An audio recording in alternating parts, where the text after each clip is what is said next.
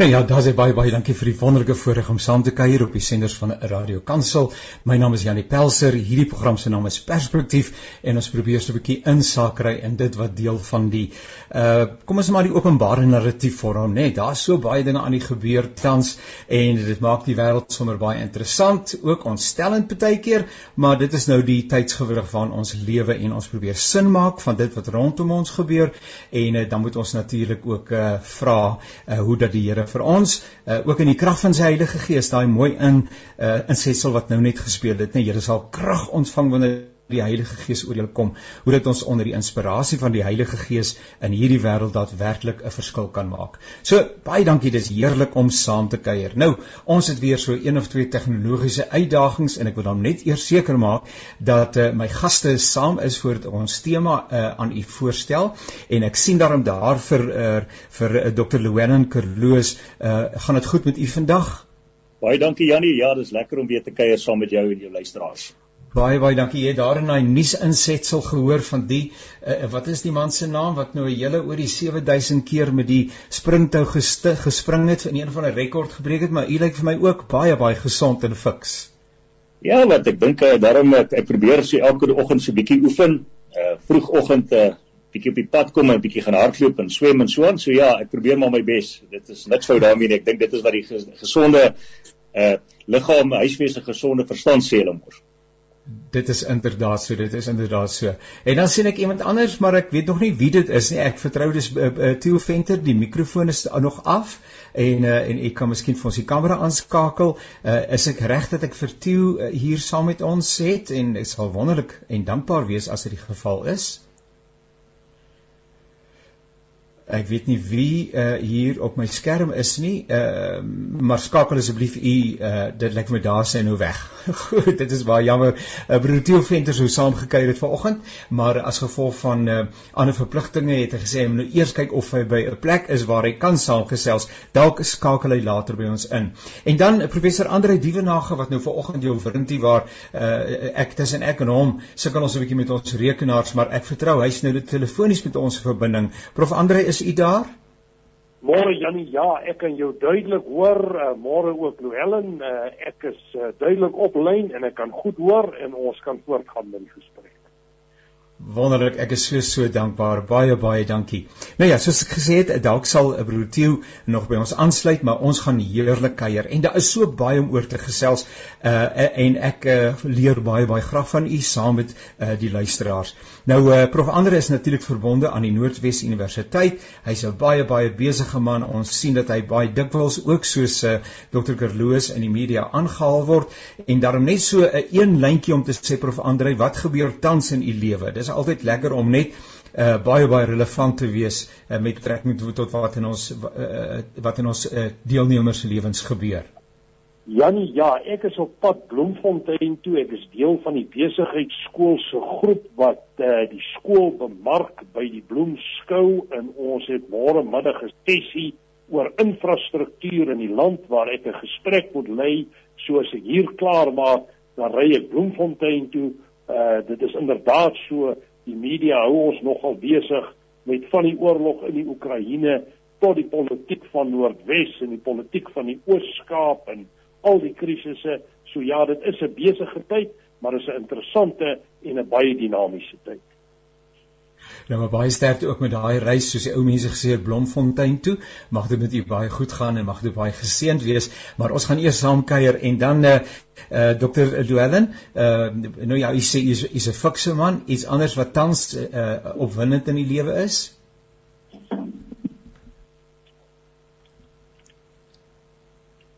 Uh, lyk vir my vir 'n oombliekie daar gevries. Dr. Llewellyn, kan u vir my hoor?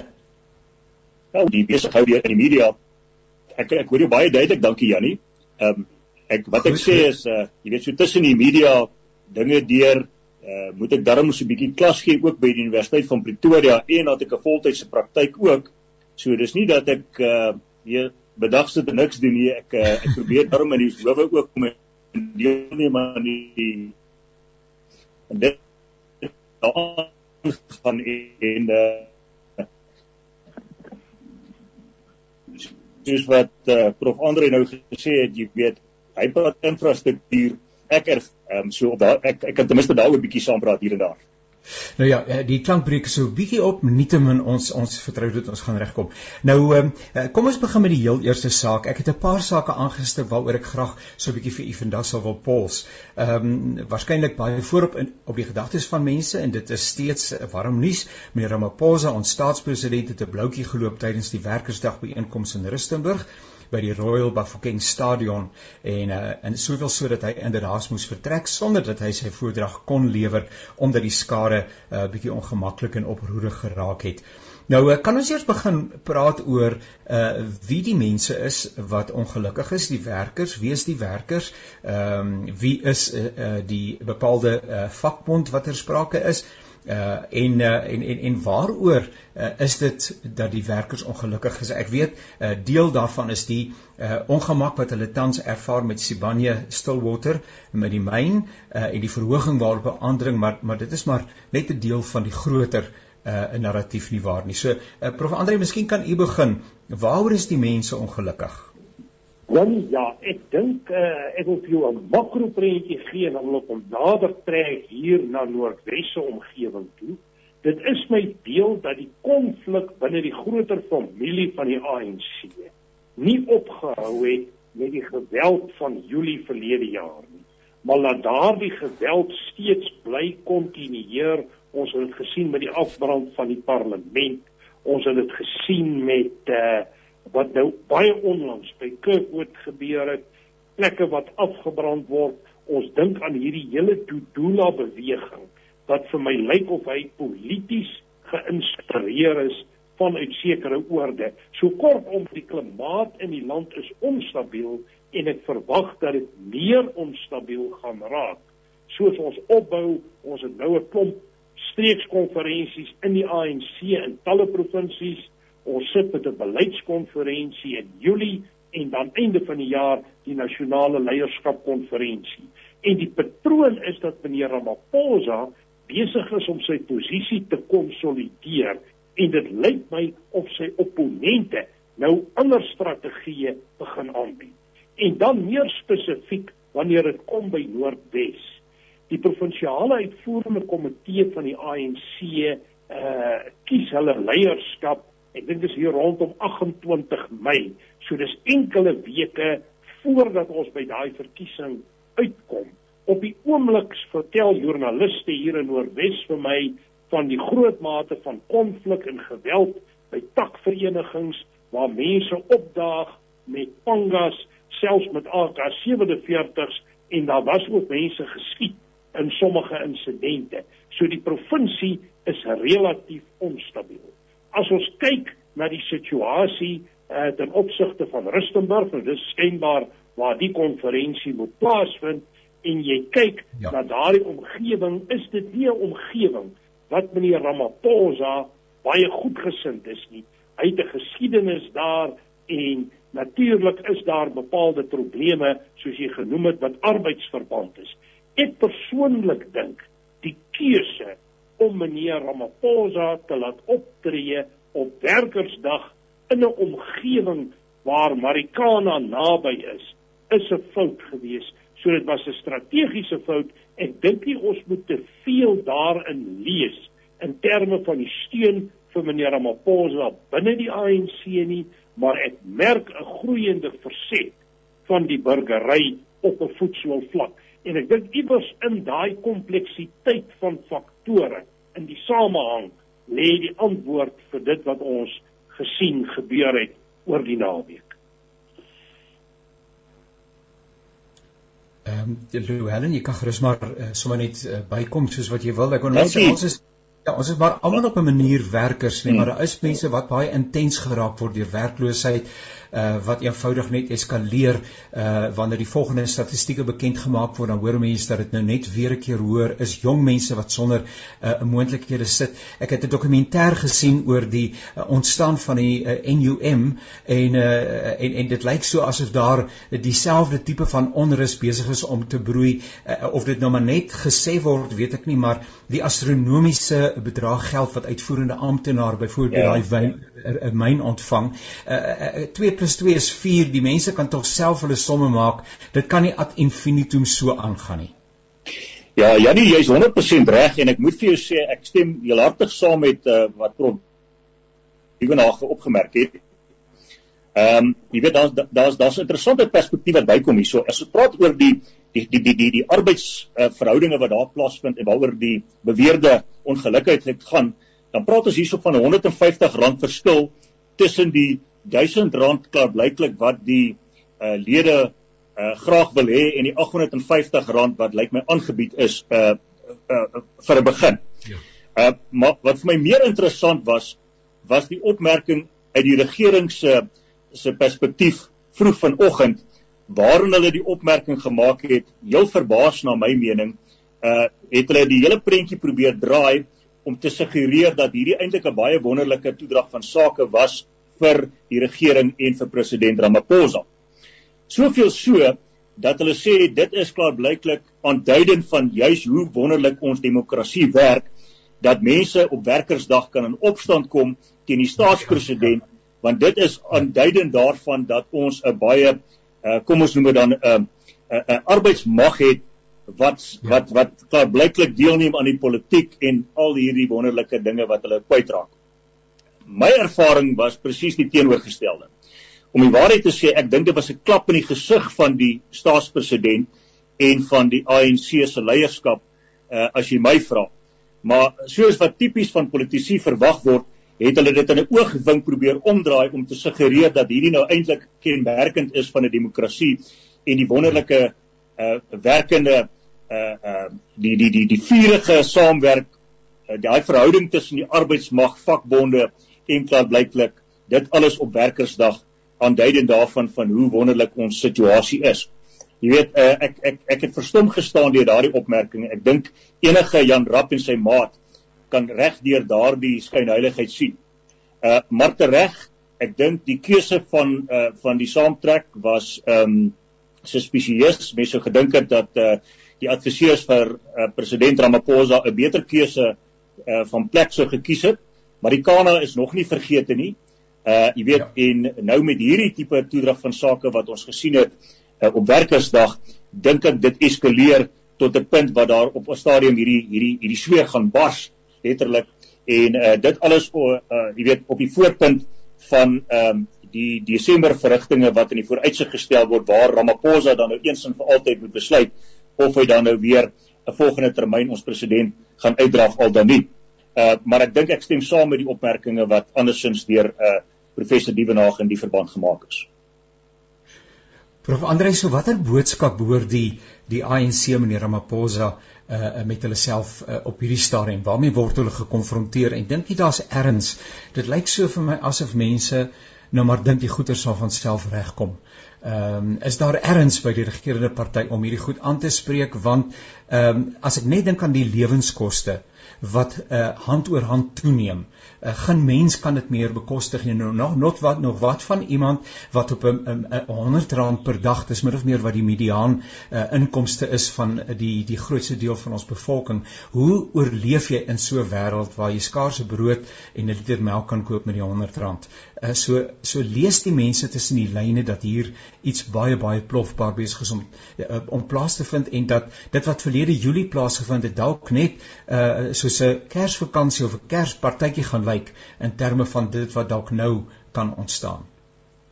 Janie, ja, uh ek wil ek wil heeltemal saamstem met jou Helen, ook wat die reaksie betref van die presidentsie. Ek moet sê toe ek van die reaksie in die media gelees het, het ek amper die gevoel gekry uh van Putin wat 'n oorwinning verklaar in die Oekraïne en dit is natuurlik niks anders as propaganda nie. Maar nou moet ons onthou ons president ja. is nou al 'n paar keer is hy ja. nou al by vergaderings en byeenkomste weggewys. En uh, so duidelik is sy profiel uh en sy gewildheid in alle omgewings nie ewe sterk nie. Ten spyte van die aanduidings dat hy binne die ANC en ten opsigte van provinsiale strukture tog besig is om steun te bou en op die oomblik waarskynlik die gunsteling kandidaat moet wees om die verkiesing einde van die jaar te wen. Maar dit wil nie sê dat daar nie teenstand is nie. Trouwens, ek het 'n tyd gelede 'n gesprek gehad met senior oppositieleiers. Ek gaan die naam noem van John Steenhuisen wat terloops nou in die Oekraïne sit en hy het ook vir my gesê dat hy die klimaat in KwaZulu-Natal as baie negatief lees en ervaar en dit wat ons in Julie verlede jaar gesien het, bepaald weer herhaal kan word. Nou Jannie, die punt wat jy maak dat uh, die ekonomiese en finansiële omstandighede versleg en dat dit groter druk uitoefen op die gemeenskappe en die samelewing is inderdaad so. 'n Mens kan maar net kyk toe ek nou gister weer gaan probeer om 'n paar ekstra liters diesel te gooi voor die uh, prys nou weer met 'n rand te diesel uh, uh liter diesel verhoog, dan besef mens waar staan ons met die ekonomie en dan weet jy hoe raak dit die gewone man op die voedselvlak en veral die armes. En ek moet regtig sê ons is 'n land wat staan by 'n punt wat ek lief is om te noem 'n kantelpunt. Wat tye uh, letterlik omstandighede kan produseer wat radikale verandering kan teweegbring. En ek dink ons leef in hierdie tye van dinamika. Die tye waar mense goed soos die tipping point, die kantelpunt ontleed, parallelle trek met wat in die Arabiese lente gebeur het en selfs wat op die oomblik in die Europese politiek aan die gebeur is. So al hierdie kleiner tekens se groter samehang is vir my die einde van 'n era, die begin van 'n nuwe era en ek dink hierdie geboorte van 'n nuwe era gaan 'n moeilike, harde, konflikterende proses wees en in die sentrum van daardie konflik, polities gesproke, staan die ANC en ek dink nie 'n mens hoef 'n profeet te wees om te weet die ANC gaan na 2024 nie ongeskonde gelaat word deur hierdie hele proses nie. En ons sê die hele proses van swangerskap is vol verwagting uh, om geboorte te skenk. Uh, dit het ek nou maar afgelei as ek so na my eie vroutjie kyk en ander, dan is dit nie 'n maklike saak nie, maar daar's altyd ook belofte daarmee saam. Nou wil ek net vra ehm um, uh, kollegas, uh, meneer Malema staan natuurlik altyd weer by met dieselfde baie bekende retoriek van uh, dit is gesteel en dit moet teruggegee word en genasionaliseer word en wit monopolie kapitaal en ensovoorts.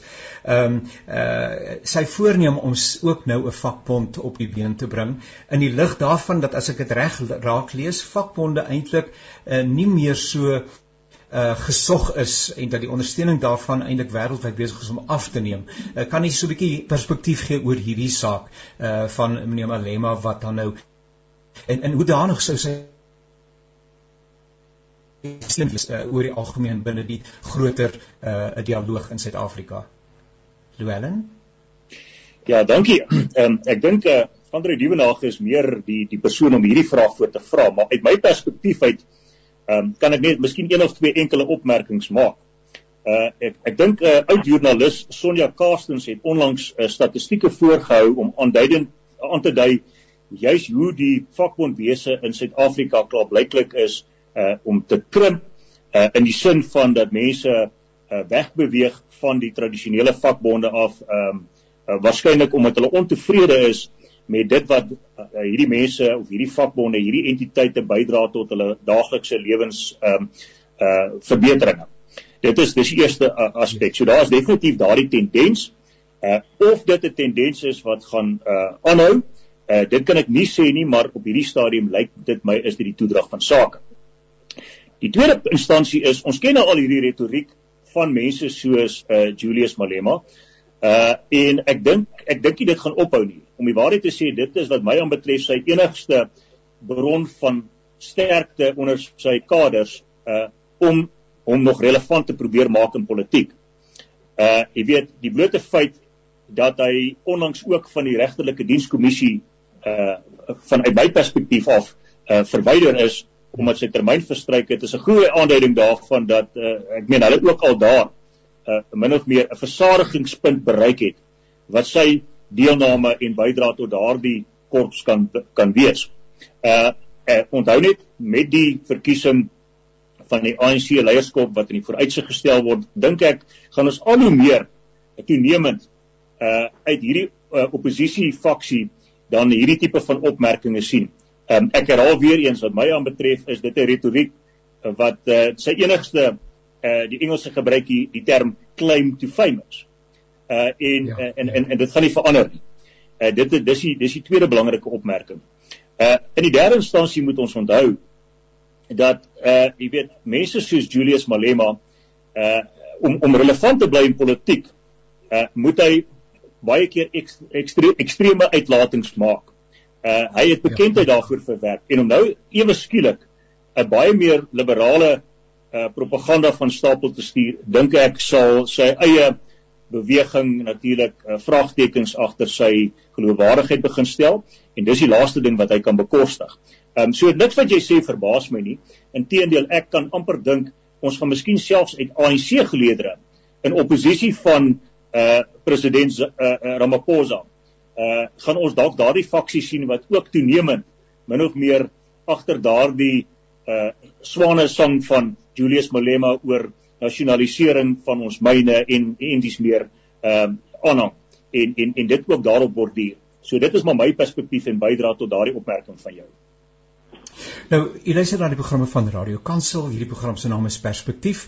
Ons gesels so 'n bietjie oor dit wat tans in die nuus is, uh, wat veral dan ook politieke, ag eintlik op alle terreine van die samelewing eintlik uh, relevant is en uh, invloed het. Uh my gaste is professor Andre Dievenage van die Noordwes Universiteit en Dr. Loos Kerloos, uh, Louwelen Kerloos, vergewe. En uh, en ek sien, ek vertrou ek sê dit reg, uh, dat u by prosedurele en bewysreg is by die Universiteit van Pretoria. Ek kan amper nie die woord sê nie, nou u moet dit nog beoefen ook. So so baie baie dankie. Kom ons kan ons so 'n bietjie ons fokus skuif alhoewel die dinge so vervleg is, nê? Die politieke situasie in Suid-Afrika is absoluut vervleg. Maar uh, die die sondeverslag die 4de het sopas dan ook uh verskyn.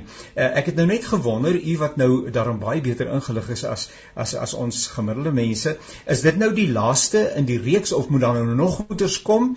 Uh en uh uh en en en waaroor gaan hierdie 4de geslag uh, verslag dan wat nou sou verskil? Hoe verskil hierdie verskillende uh dokumentasie uh, en dokumente wat op die tafel gekom het? Uh, uh Prof Andre, kom ons begin by u.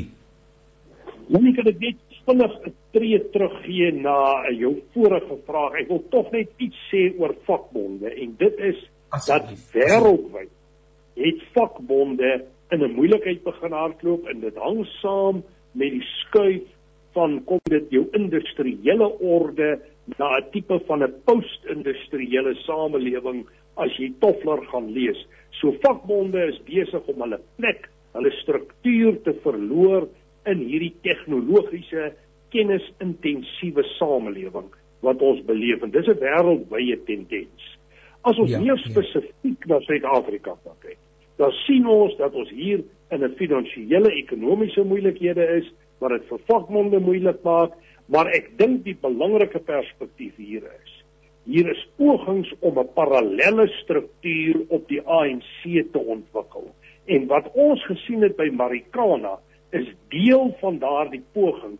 Ek glo nie aan groot toevallighede in politiek nie, maar dit wat by Marikana gebeur het en die aankondiging van Julius Malema dat hy 'n uh, 'n uh, 'n vakbond tot stand gaan bring, loop vir my saam en ek sien dit as deel van die weerstand wat aan die ontwikkel is, selfs buite om die ANC, maar ook van binne die ANC wat nog steeds momente het teen meneer Ramaphosa en sy regering vir al die baie gematigde beleidsdokumente wat hulle nou voorberei met die oog op die uh, Julie konferensie. Ek dink dit is belangrik. Genoeg van daai tema, kom ons gaan oor na die Zondo-kommissie toe. Ek dink 'n mens moet krediet gee aan die Zondo-kommissie vir die kwaliteit van ondersoek wat hulle gedoen het, vir die bevindinge, vir die feit dat hulle mense by die naam genoem het. Die groot vraag is bestaan die politieke wil om te handel. En hier beweeg ek nou nader aan Louwelen se terreine toe, maar ek moet eerlik sê as 'n politieke wetenskaplike baie bekommerd oor die oppergesag van die reg en die feit dat die reg onafhanklik en effektief funksioneer. Ek het te veel van hierdie kommissies gesien wat uiteindelik na die ondersoek maar net tot niet gaan. Mens dink aan die Sereti kommissie of ek hom reg uitspreek, die Morami kommissie, die een wat die uh, uh sluipmoorde ondersoek het in KwaZulu-Natal. Dit lyk net ja. vir my op uiteindelik as daar besluite geneem moet word, dan ontbreek die politieke wil en dan verval die regsprosesse in iets wat nie meer die oppergesag van die reg handhaaf nie. En hier lê na my mening 'n reuse toets vir meneer Ramaphosa.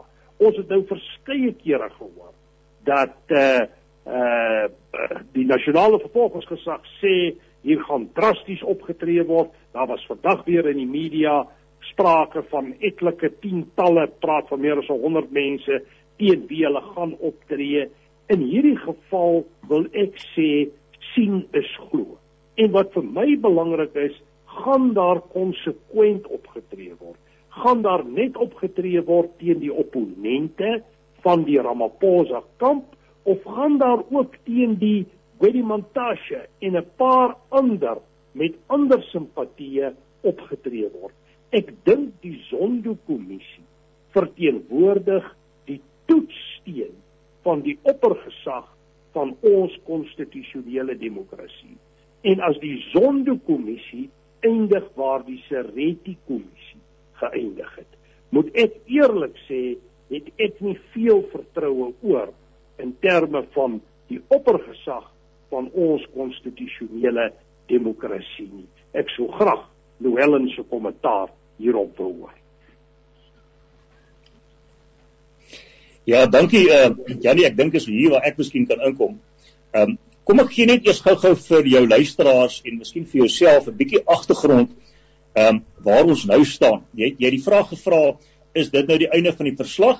Uh daar is natuurlik die die mening dat daar dalk nog 'n uh, deel 5 uh moontlik in die veruitsig gestel sal word hier iewers hier by die middel van Junie as ek reg kan onthou. Maar dit behoort dan die laaste deel van die totale uh kommissie se verslag daar te stel. Nou goed. Ons het die 9 Vrydag die 29ste April hierdie jaar is deel 4 van die verslag nou uiteindelik dan nou deur Zondo oorhandig uh, aan die regering, aan aan die staatspresident. Uh en dit bestaan uit 4 volumes. Uh die eerste volume, kom ons sê dan nou van deel 4 van die verslag gaan oor die gepoogde kaping van die tesorie Die tweede volume van deel 4 waarmee ons oor waaroor ons vandag praat, gaan natuurlik oor die Vrystaat Asbestos projek en daardie 1 miljard rand behuisings uh, debakel wat ons van weet. Ja. Volume 3 en 4 van deel 4 wat die laaste dele uitmaak van hierdie huidige verslag onder bespreking handel natuurlik oor Eskom en diese doen en later. Nou goed, Ehm um, ons kan natuurlik na elkeen van hierdie afsonderlike dele kyk in perspektief en in detail indien dit nodig is, want daar is baie aspekte wat daarmee saamhang. Byvoorbeeld die hele kwessie rondom ehm um, weet aanbevelings soos dat Zizi Kotwa byvoorbeeld as uh, adjunkt minister van staatsveiligheid verwyder behoort te word uh vir sy betrokkeheid by die EOH baas uh, Jean McKay. Ehm um, ons kan praat oor aspekte soos ehm um, die tesorie waar uh, regter Zondo vir mense soos Nklantanene en Pravin Gordhan ehm um, basies uitgemaak het as ehm um, uh, uh, as as as as heroes in hierdie hele debakel, miskien as 'n klein tipe van 'n teenvoeter tot daardie geweldige stroom ehm um, van af die kant van uh onder andere Zuma uh en so voorts. Uh maar ek moet sê punt 1 uh Ramaphosa is nie heeltemal uit hierdie hele verslag gelaat nie en sommer die heel eerste uh inhoud uh opskrif in die verslag lees baie duidelik die ANC behoort hulle self te skaam vir hulle aandeel in staatskaping.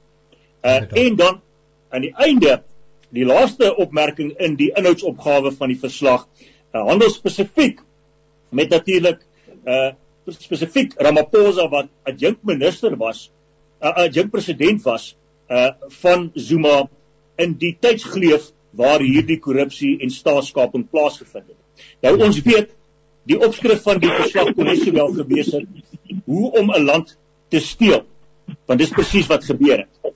Uh aan die einde van die dag het regter Zondo ook die opmerking gemaak dat Ramaphosa en byvoorbeeld ehm um, Gwedi Mantashe uh moet verantwoordelikheid aanvaar vir die feit dat hulle direk gesê het dat enige aanstellings aan hierdie semi-staatsinstellings en staatsgebaseerde uh uh uh, uh maatskappye en rade altyd natuurlik onder die waaksame oog van die ANC plaasgevind het. So uh, ons moet nie vergeet dat hulle betrokkeheid gering geag kan word hierso nie. Uh Andre het hierdie opmerking gemaak dat ons regstaat uh ons grondwet uh onder natuurlik geweldige druk verkeer op hierdie stadium en aan die einde van die dag as jy niks kom van hierdie aanbevelings van die kommissie van ondersoek van Zondo nie dan is dit 'n tragiese dag en dan moet ek saamstem en sê dit is um, dan waarskynlik 'n doodskoot vir ons uh konstitusie. 'n Kollega van my in publiekreg, professor Koos Malan het onlangs 'n boek uh gepubliseer uh getitel Die ongrondwetlikheid van die grondwet. Ehm um, en en daarin het hy by uitstek uh hoofstukke geskryf om te illustreer presies waarmee ons vandag uh natuurlik hierdie debat wat ons voer en presies tot dieselfde slotsom gekom wat professor Dievenage sopas genoem het. Ja. En dit uh, is natuurlik nie 'n goeie ding vir uh vir 'n uh vir 'n land nie. As jou regstelsel of jou regstaat natuurlik in duie stort, dan is dit die begin van die einde. Uh maar korrek, jy sal sien daar is etlike uh hoofstukke gewy aan presies wat gebeur het, uh, wie moet verantwoordelik gehou word, hoofrolspelers soos Anon uh, Sim, Brian Molefe, uh Mashela Koku, uh daai persone behoort tot verantwoordelikheid geroep te word. Die vraag is geopper in die verslag waarom Ysbagashule byvoorbeeld nie sommer uit die staanspoor uit aangekla is saam met van die ander rolspelers nie. Uh ja. 'n hoofpunt is gemaak dat in 2014 die raad van Eskom hoofsaaklik uh, verantwoordelik was vir die gemors waarin ons ons tans uh, bevind met ehm um, uh, elektrisiteit uh en weerkrag en dit wat daarmee gepaard gaan en dat daar niks anderste was as 'n gesteel van geld um oral om hulle self nie om hulle self te verryk nie.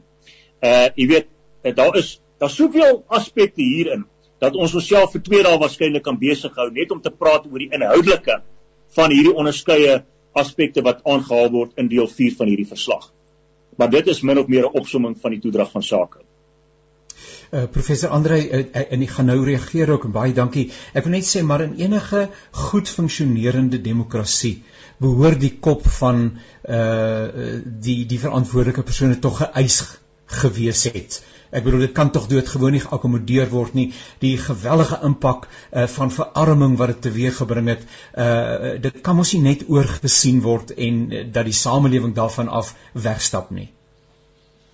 Ja, hey, Jannie inderdaad uh, is is jy reg en die groot vraag is waarom het die uh, regsprosesse die die vervolgingsgesag nie gehandel soos mens verwag hulle behoort te handel en die kort antwoord daarop is hulle was vasgevang binne 'n raamwerk van staatskaping waarin daar mense aangestel is wat bloot net nie hulle werk gedoen het nie en is daar nie mense vervolg nie wat wel vervolg moes word tot die mate dat Afriforum dan nou al begin het met 'n stelsel van privaat vervolging ten einde daardie leemte te probeer aanspreek Maar uiteraard sou mense die vraag kon vra, waarom moes jy wag tot 'n kommissie 4 of 5 bundels van 'n verslag gee voordat daar gehandel is? As jy kyk na die omvang van hierdie uh, aktiwiteite en die omvang van hierdie misdaad, daar is mense wat sê dat die ANC en sy tentakels die grootste misdaadorganisasie in die geskiedenis van Suid-Afrika is en ek is bevrees dat die Zondo-kommissie gee baie getuienis in die verband om so 'n standpunt te motiveer. Nou duidelik het die regsproses in die verband gefaal. Ek dink 'n groot deel van die verklaring wat saamhang met staatskaping is die hele kwessie van die ontplooiing van kaders veral binne die nasionale vervolgingsgesag wat gewoon net nie teen die Jacob Zuma's, die Ysmageshules en die leierskap van Eskom opgetree het nie. En nou probeer meneer Ramaphosa dit hanteer. Ek wil hom krediet gee dat hy oor die laaste paar maande wel pogings aangewend het. Daar was pogings om instellings te herbou, maar ek is steeds bekommerd of die politieke wil bestaan en of die probleem nie te groot is om werklik te hanteer nie. My indruk is dat die vlakke van endemiese korrupsie binne die ANC so groot is dat hulle eintlik deur die doelmatige toepassing van daardie besluite effektief van hulle politieke mag sal moet abdikeer ten minste sleutelrolspelers en ek dink in 'n politieke omgewing is dit nie haalbaar nie en dit beteken dat jou hele regstelsel gekompromiteer gaan word en dan is ek min of meer by daardie punt van die rekonstruksie wat Louwelen gemaak het van Prof Koos Malan se standpunte. En ek dink hierin lê die toets vir meneer Ramaphosa. En dan wil ek dit 'n stap verder uh, neem en sê as meneer Ramaphosa werklik die leier is wat hy aangedui het, hy is ten opsigte van sy so na toespraak die begin van die jaar, dan sal hy baie drasties op 'n pad van hervorming ala EW de Klerk moet loop. En soos EW de Klerk ontslaag geraak het van apartheid en wat daarmee saamgaan, sal hy ontslaag moet raak van transformasie, van swart bemagtiging, van korrupsie en hy sal weer die konstitusionele demokrasie moet herstel. Maar in my gemoed strategies polities geld die Engelse term moontlik 'n bridge too far. Ek hoop ek is verkeerd en ek hoop meneer Ramaphosa kan daardie weg loop want almal in Suid-Afrika het 'n belang daarbey en dit sou onder meer impliseer die dramatiese hervorming van die rol van vakbonde in Suid-Afrika, deregulering om ekonomiese investering en ekonomiese groei nodig te maak. Dit wat ons so nodig het in hierdie moeilike ekonomiese en finansiële tye. Nou net voordat ons daarvan afstap, uh, asseblief neem vroendigheid eh uh, eh uh, ehm uh, uh, Dr. Kerloos, maar daarmee saam wil ek sommer net vra die feit dat daar wel so 'n verslag op die tafel gekom het na 9 jaar van duisternis en alles wat daarmee saamgaan. In sigself is eintlik 'n geweldige ligpunt en ek wil amper sê 'n stuk wonderwerk uh, gegeewe uh, waar ons vandaan kom dat daar wel 'n sondeverslag uh, wat so eerlik, reguit en onbevange uh, sy bevindinge uh, bekend maak.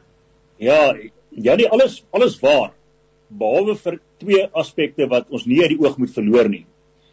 In ons geskiedenis van kommissies van ondersoek wat aanbevelings gemaak het, uh is per reg soos wat uh, Andre uitgewys het. Ons sit ons met die probleem dat daar eintlik uh, dadels van gekom het in die verlede. En die die die, die tragedie van 'n kommissie van ondersoek is uh hulle maak net aanbevelings en hulle kan net sekere bevindinge maak, maar hulle het geen regskrag in die ware sin van die woord om 'n sanksie letterlik daar te stel wat daardie persone tot verantwoording bring en uiteindelik hulle in ehm uh, uh, oranje kleurige oorjassies sal laat beland nie. Dis die eerste probleem. Die tweede aspek wat ons nie uit die oog moet verloor nie is natuurlik dat daar 'n beginsel in die strafproses reg is. As ons net praat uit daai perspektief en onthou net van die aanbevelings het ook sivielregtelike komponente ingesluit wat gesê het Eskom behoort siviele eise in te stel teenoor hierdie kaders om daai geld terug te eis wat hulle verloor het ensovoorts. Maar ek meen daar is verjaringstyd perke van 3 jaar ensovoorts wat natuurlik toepassing vind. In die ja. strafreg om hierdie mense aan te kla is die verjaringstydperk heidaglik 20 jaar min of meer vir hierdie vir hierdie tipe klas misdade. Ja. En ons is al reeds min of meer oor die helfte van daardie tydperk soos wat jy reg uitgewerk eh, uitges, uitgewys het 9 jaar, 10 jaar nadat van hierdie insidente plaasgevind het. So my my probleem waarmee ek sit is ons het nie meer baie tyd nie. Dan gaan ons fisies uit tyd uit hardloop om hierdie mense te vervolg. Nou of dit natuurlik 'n strategiese uh uh strategie was van wie ook al om te speel vir tyd, net soos wat ons gesien het wat Zuma in elk geval speel vir tyd. Ehm uh, kon kan kan daar baie maklik geargumenteer word dat hierdie kommissie van ondersoek soveel tyd in beslag geneem het boonbehalwe al die belastingbetalers geld wat daarmee gepaard gegaan het dat dit in feite die die tydperk wat die vervolgingsgesag het om te vervolg of vervolging in te stel min of meer heeltemal uh, ingekrimp het. Die derde belangrike um, aspek is natuurlik as het ons die kundigheid regtig op hierdie stadium om hierdie tipe van vervolging suksesvol uh, daar te stel. Ek meen uh, ek ek is bevrees ek dink nie ons het nie. Ehm um, ek dink daarso van buite instansies, privaat instansies, privaat regspraktisyns gekoopteer moet word, uh, gekontrakteer moet word om die vervolgingsgesag te help met die vervolging van hierdie tipe van ehm um, uh, oortreders, want dit is des, definitief nie jou maklike saak hierdie. En dit sal beteken daar gaan nog 'n geweldige klomp geld natuurlik uitgehaal moet word om dit te bewerkstellig. En die laaste belangrike aspek wat ek wil byvoeg tot hierdie aspek van die debat is natuurlik dat mense soos Zili Godwa byvoorbeeld al reeds aangedui het dat hy al gister in die hof gewees het met 'n hersieningsaansoek van die bevindinge wat in hierdie verslag na vore getree het. Omdat hy sê Zondo sy magte en sy perke oorskry het deur byvoorbeeld politieke uh, aanbevelings te maak in steede van regsbeginsels en regsaanbevelings wat buite die kader van sy van sy ehm uh, uh, regte en verpligtinge op die kommissie vlak uh, natuurlik van stapel gestuur is. En dit beteken en ek voorsien hy gaan nie die enigste een wees nie. Elkeen ja. van hierdie individue wie se name hier genoem word, alles is dan net om te speel vir tyd, gaan verseker oorweging skenk om hierdie verslag op hersiening te neem wat beteken daar gaan nog 'n hele aantal maande ver, verstryk voordat ons uiteinde het rondom die geloofwaardigheid of natuurlik die ehm um, die die die die, die inhoud van daai verslag en of dit die tyd van die toets gaan weerstaan. Dit is net aspekte wat ons nie uit uit perspektief moet uh, verloor nie en wat natuurlik die hele proses baie baie baie meer gekompliseer maak as wat dit op die oog af natuurlik uh, lyk. Ja, prof. Andre uh, en ek het nou gesê ons stap verby met op nog hier so vir, met u toets uh, u twee, maar maar dit laat eintlik met 'n gevoel van 'n amper 'n stuk moedeloosheid ehm um, uh, wat natuurlik nou nie uh, vir 'n Christen altyd uh, die aangewese is nie, maar uh, ons het met ander woorde net 2024 om te doen wat ons veronderstel is om te doen. En as ons die uh, die regerende party die skuldiges laat wegkom met die 2024 algemene verkiesing, uh, dan kan ons net onsself blameer. Prof Andrei? Ja, ek dink uh, ons kan onsself blameer. Jy's heeltemal reg, Janie, maar ek moet daarom sê as ek nou suiwer na die politieke proses kyk wat homself uitspeel en ek het nou pas 'n bietjie navorsing gedoen oor wat gebeur het met die 2021 plaaslike verkiesing, dan lyk dit vir my asof die verdelingslyne binne die ANC steeds gaan voortduur en ek verwag 'n redelike moeilike konferensie na die einde van die jaar toe, maar ek dink die ANC gaan nie as 'n eenheid uit die konferensie uitgaan nie. Ek dink daar gaan groepe gemarginaliseer wees en dit gaan 'n impak hê op die steunbasis van die ANC. En uiteindelik in 2024 gaan dit wys. En ek moet sê op die oomblik is die meer waarskynlike scenario dat die ANC soos met die plaaslike verkiesing nie 'n volstrekte meerderheid in 2024 gaan kry nie. En dit kan die politieke spelreëls heeltemal verander. Dit bring ons in 'n nuwe omgewing in waar nuwe reëls geld, nuwe geleenthede. So dis nie net 'n negatiewe scenario nie. Ek dink vir die eerste keer is ons werklik voor 'n scenario nasionaal en ten opsigte van talle provinsies dat die ANC sy meerderheid kan verloor en dat daar weer 'n geleentheid is vir burgers om met mekaar in gesprek te tree om weer na grondwetlike waardes en die toepassing daarvan te kyk en weer eens 'n poging aan te wend om die demokrasie en die demokratiese waardestelsels te konsolideer en te probeer uitbou. Dit is wat die politieke proses betref. Wat die regsproses aanbetref, dink ek is dit noodsaaklik dat daar vinnig en daadwerklik gehandel gaan word. Wat vir my wel lyk die Ramaphosa strategie gaan wees, is om die Zondo-kommissie as 'n tipe van 'n politieke instrument te gebruik om of mense te marginaliseer, selfs in die tronk te sit aan die een kant en aan die ander kant mense te forceer om in te koop by sy benadering tot die Suid-Afrikaanse politiek. Nou dit is 'n strategie wat groot risiko's inhou. Die ideaal is natuurlik dat hy die staat en die staatsreg prosesse moet los om hulle gang te gaan.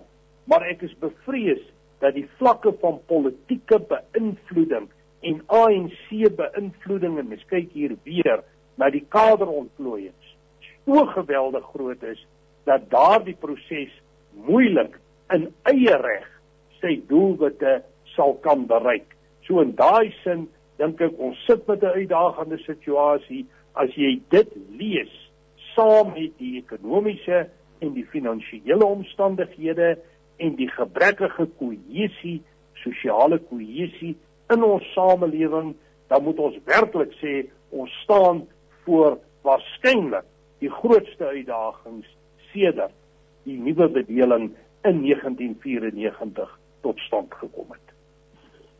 Kan ons 'n paar laaste opmerkings net maak? Ons kyk hier ook nou vinnig uit en dit is so heerlik om met u te gesels en ek sal sommer 'n hele boek vol kan skrywe van temas waaroor ek graag saam met u sou wou gesels. Maar ons doen dit by 'n volgende geleentheid. Uh meneer John Steenhuisen se besoek aan die Oekraïne. Ehm um, uh en miskien so 'n bietjie perspektief rondom daardie. Dit staan seker enig een, iemand vry om te gaan waar hy welkom is en waar hy ontvang word, maar is hier 'n groter agenda is meer uh Steenhuisen en dit is seker dit nie verkeerd wees nie besig om homself te vestig as 'n internasionale rolspeler, as die volgende staatshoof. Uh hoe, hoe moet 'n mens dit interpreteer? Dit is ongewoon dat ons hoor dat uh behalwe ek net nie so mooi ingelig is nie dat ehm um, mense wat byvoorbeeld die status het van meneer Steenhuisen of enige van die ander uh ander politieke partye op internasionale vlak uh hierdie tipe van sendinge onderneem. Uh kom ons hoor net by u asseblief uh dokter Kroos. Dankie, ek gaan dit kort hou want dit is dis nie my spesialiteitsvlak nie, maar wat ek kan sê is ehm um, ja, tereg dink ek staan dit enige persoon vry om natuurlik hulle self te gaan vergewis van die ware toedrag van sake. Nou as jy jouself relevant wil hou tot politiek, uh en jy wil in die vooruitsig baie positief wees en jouself sien as die nuwe staatshoof in die nabye toekoms of iewers in die toekoms uh dan is dit seker sekerlik jou goeie reg en verpligting miskien ook selfs om om seker te maak dat jy hoogte bly van internasionale politiek en ten minste vir die wêreld wys wie jy is sodat daar nie later gevra kan word nou maar wie is John Steenhuisen nie. Ehm um, dit dit enerzijds. Tweedens ek dink nie ons moet uh, nou al ehm um, op te opgewonde raak uh, uit daai geleedere uit om te sê ek dink dit sal prematuur wees om te voorspel dat hy moontlik ons volgende staatshoof gaan wees. Ek uh, ek kry nie die indruk as ek die politiek reg verstaan en lees dat ons al op daardie draaipunt is dat daar so dramatiese veranderinge in ons politiek gaan plaasvind selfs na die 2024 verkiesing nie. Ek hoop ek is verkeerd miskien, uh, maar ek lees dit nie so nie. Uh maar dit gesê, uh jy weet uh, as jy in elk geval die amptelike oppositieparty wil wees, dan moet jy seker sekerlik weet wat in wêreldpolitiek aangaan en jy moet 'n mening uitspreek. En op hierdie stadium lyk dit vir my op John Steenhuisen se uh, se standpunt dan ten minste dis sal navolg wat in Amerika uh uitgespreek word en van die ander Europese lande uh in kontras met dit wat die ANC moontlik uh het sy direk of stilswygend probeer uh propagandeer.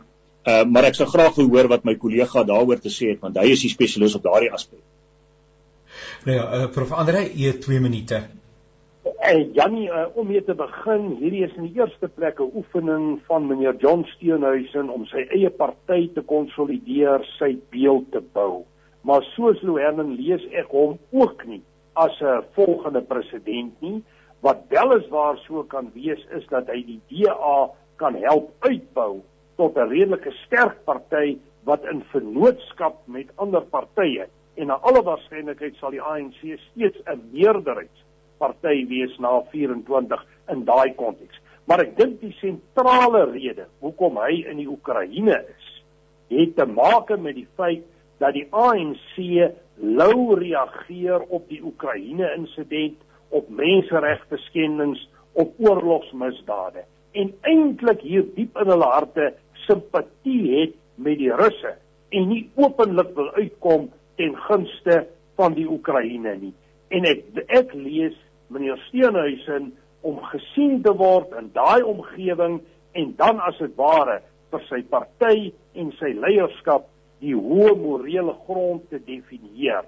So ek lees dit eintlik as 'n skuif op die skaakbord teen die ANC en hy hoop om daarmee politieke punte by die huis te wen deur hom as 'n ware daar te gaan plaas in 'n omgewing waar daar simpatie moet wees in terme van 'n menseregte benadering.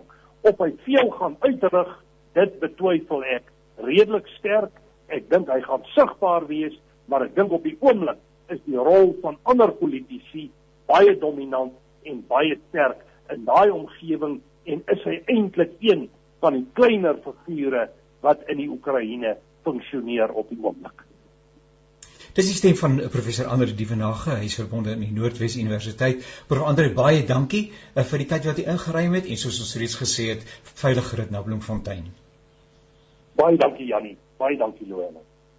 En dan die stem van uh, Dr. Louwelen uh, Kerloos, baie baie dankie vir die lekker saamgesels, vir die baie wat ons van beide van u geleer het en mag die res van hierdie dag vir u baie sinvol en geseënd verloop. Baie dankie, lekker dag vir jou Jannie en ook aan uh, my kollega. Ek hoop jy het 'n veilige rit na Bloemfontein. Totsiens. En daarmee aan ons luisteraars, baie dankie vir die inskakel en aan Paul wat vir ons die tegniese versorging hanteer het. Baie baie hartlike dank. Tot 'n volgende keer. Alles wat mooi is.